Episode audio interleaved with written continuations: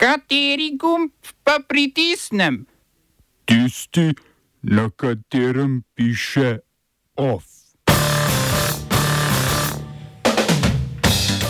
Biden z omejitvijo ameriških investicij na kitajskem zaostril trgovinsko vojno.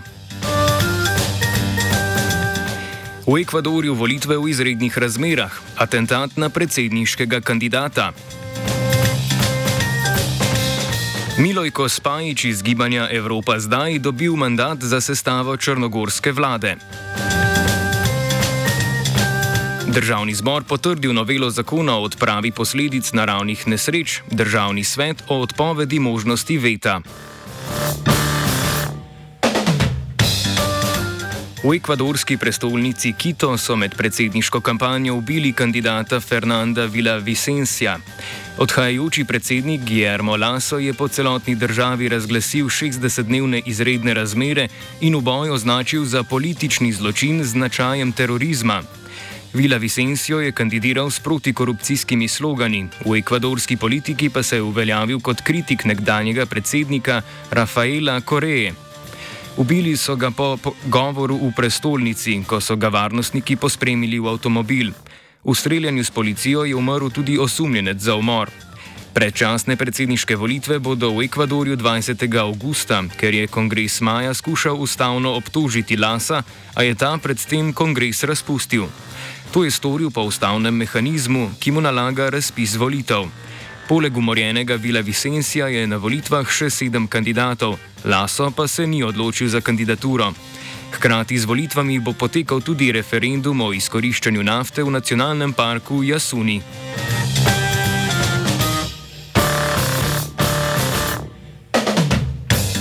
Ameriški predsednik Joe Biden je z izvršnim ukazom omejil ameriške investicije na kitajskem.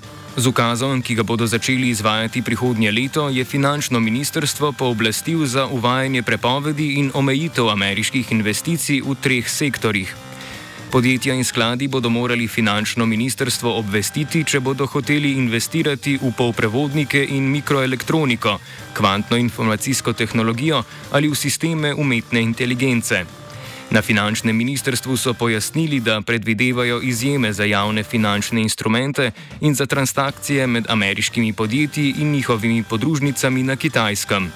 V pismu kongresu je Biden zatrdil, da je ukrep sprejel za spopadanje z grožnjo napredka držav, kot je Kitajska, na področju občutljive tehnologije, kritične za vojaške, obveščevalne, nadzorne in kibernetske zmogljivosti. Na kitajskem zunanjem ministrstvu so Bidenovo potezo označili za gospodarsko izsiljevanje. Na trgovinskem ministrstvu so američanom vrnili z njihovo lastno mantro in jih pozvali naj spoštujejo tržno gospodarstvo in načela pravične konkurence. Združene države so doslej omejevale trgovino s Kitajsko, omejevanje investicij na kitajskem pa pomeni zaostritev trgovinske vojne. Kitajska vlada povračilnih ukrepov še ni sprejela.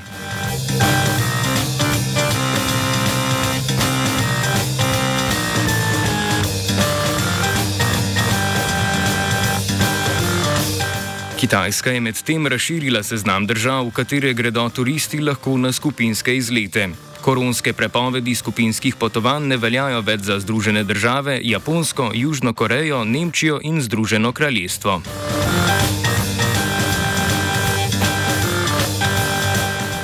Pa Pakistanski predsednik Arif Alvi je na željo premijeja Šehbaza Šarifa razpustil parlament. S tem pa se volitve ne bodo zgodile prej, kot bi se po redni poti, ampak kasneje. Po redni proceduri bi se moral namreč parlament razpustiti že to soboto, na kar bi začel teči 60-dnevni rok za izvedbo volitev. Ker je bil parlament razpuščen predčasno, je ta rok mesec dni daljši. V mestnem času vlado vodi tehnična vlada, na vrh katere bo imenovan nov premijer, ki za zdaj še ni znan. Zelo verjetno pa volitve ne bodo razpisane tudi v tem daljšem roku. Vlada je namreč pred dvema dnevoma razpisala nov cenzus, na podlagi katerega bodo spremenjene tudi meje volilnih okrajev. Volilna komisija je že sporočila, da bo za to potrebovala 4 do 6 mesecev.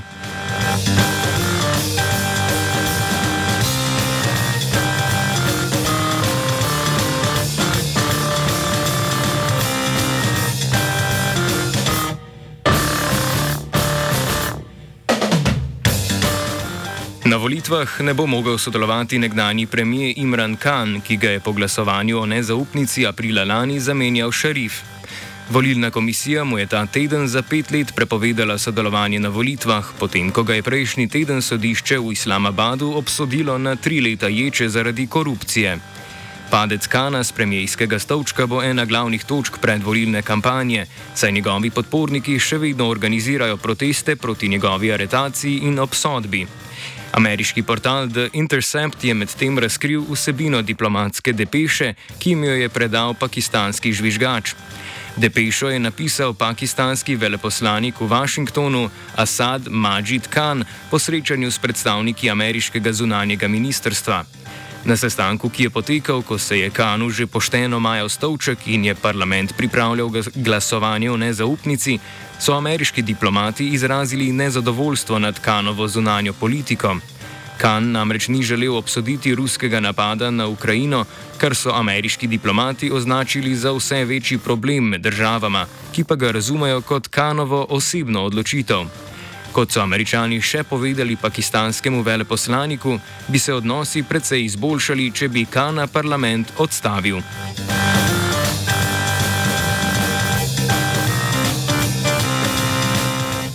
Hunta v Nigru je imenovala 21-člansko vlado, ki predseduje Ali Mahaman Lamin Zen. Ekonomist, ki se je šolal tudi v Franciji, je hkrati ministr za gospodarstvo in finance. Vlada je sestavljena iz politikov in vojakov. Ministrstva z varnostnimi pooblastili, kot sta notranje in obrambno, vodita člana vladajoče hunte, vojaška poveljnika. Pučisti v Nigru, ki so se v sentimentu proti nekdani kolonialni oblastnici Franciji pridružili huntama v Maliju in Burkina Fasu, so francoze obtožili izpuščanja teroristov iz pripora. Po trditvah hunte so izpuščeni pripadniki islamističnih milic načrtovali napad na državno vojsko na tromeji med Nigrom, Burkina Fasom in Malijem. Nigerska hunta je Francijo obtožila še kršenja prepovedi letov v nigerskem zračnem prostoru, čež da je letalo, ki je poletelo iz sosednjega Čada, namenoma prekinilo komunikacijo z nigerskimi kontrolori zračnega prometa. Francija ima v Nigru med 1000 in 1500 vojakov, ki so sodelovali v militarističnih operacijah proti islamističnim milicam. Po puču sta tako francoska kot nigerska vojska sodelovanje prekinili.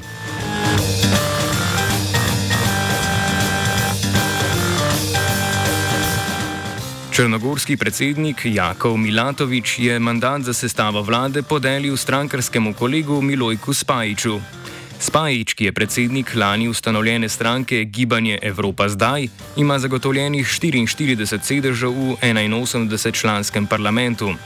Glavni podpornici Spajičeve koalicije sta Demokratska Črna Gora Alekse Bečiča in stranka Bošnjaške manjšine. Koalicijo tvorijo še manjše albanske stranke, pa tudi Hrvaška. Izven vladne koalicije tako obstajajo socialisti, ki so na junijskih volitvah zasedli drugo mesto. Po porazu na aprilskih predsedniških volitvah socialistov formalno več ne vodi dolgoletni črnogorski šef Milo Djukanovič. Izven vladne koalicije ostaja tudi Dritan Abazovič, doslejšnji premijer, čeprav je njegova stranka oblikovala predvolilno koalicijo z Alekso Bečičem, ki Spajičevo koalicijo podpira.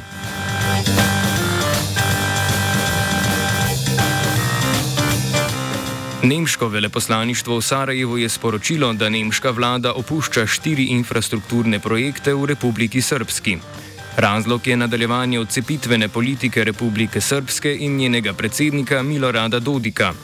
Več kot 100 milijonov evrov za vetrno in hidroelektrarno ter čistilnico odpadnih voda je Nemčija zamrznila že lani. A ker so v večinsko srpski entiteti Bosne in Hercegovine od tedaj sprejeli še zakon o neobjavljanju odločitev visokega predstavnika mednarodne skupnosti v uradnem listu Republike Srpske, so projekti sedaj dokončno zgodovina. Visoki predstavnik je Kristjan Schmidt, nemški politik in član Bavarske krščansko-demokratske unije. Smo se osamosvojili nismo se pa osvobodili. Naslednje število je še 500 projektov. Izpiljene modele, kako so se strani nekdanje LDS rotirali. Ko to dvoje zmešamo v pravilno zmes, dobimo zgodbo o uspehu. Takemu političnemu razvoju se reče udar. Jaz to vem, da je nezakonito, ampak kaj nam pa ostane? Brutalni obračun s politično korupcijo.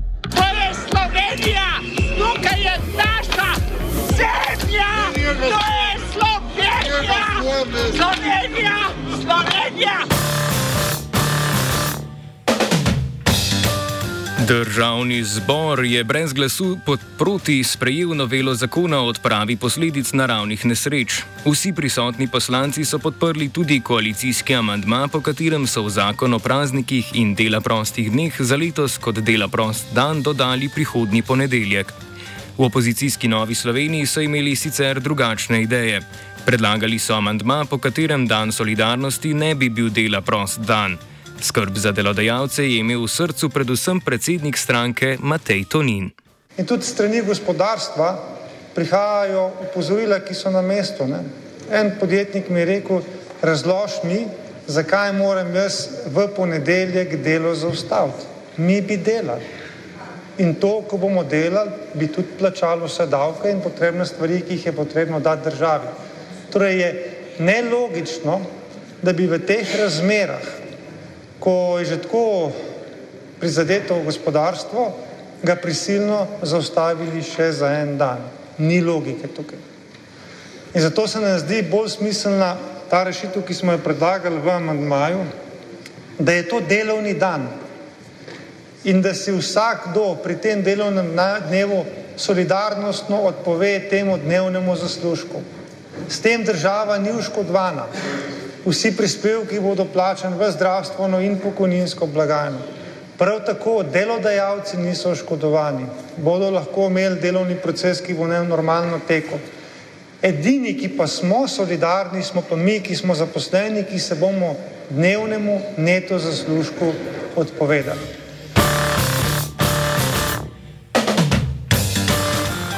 Po noveli zakona bo med drugim lahko država občinam vnaprej namenila do 40 odstotkov ocenjene škode. Državni svet sicer na korespondenčni seji odloča o tem, ali se bodo svetniki odpovedali možnosti veta na novelo zakona. To je potrebno, da bi lahko novela stopila v veljavo že pred ponedeljkom. Predsednik državnega sveta Marko Lotrič je na podlagi pogovorov z nekaterimi člani sveta ocenil, da se bodo vetu odpovedali.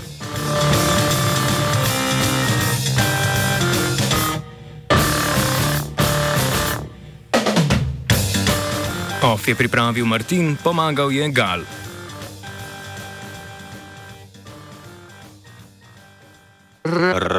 Radio študent.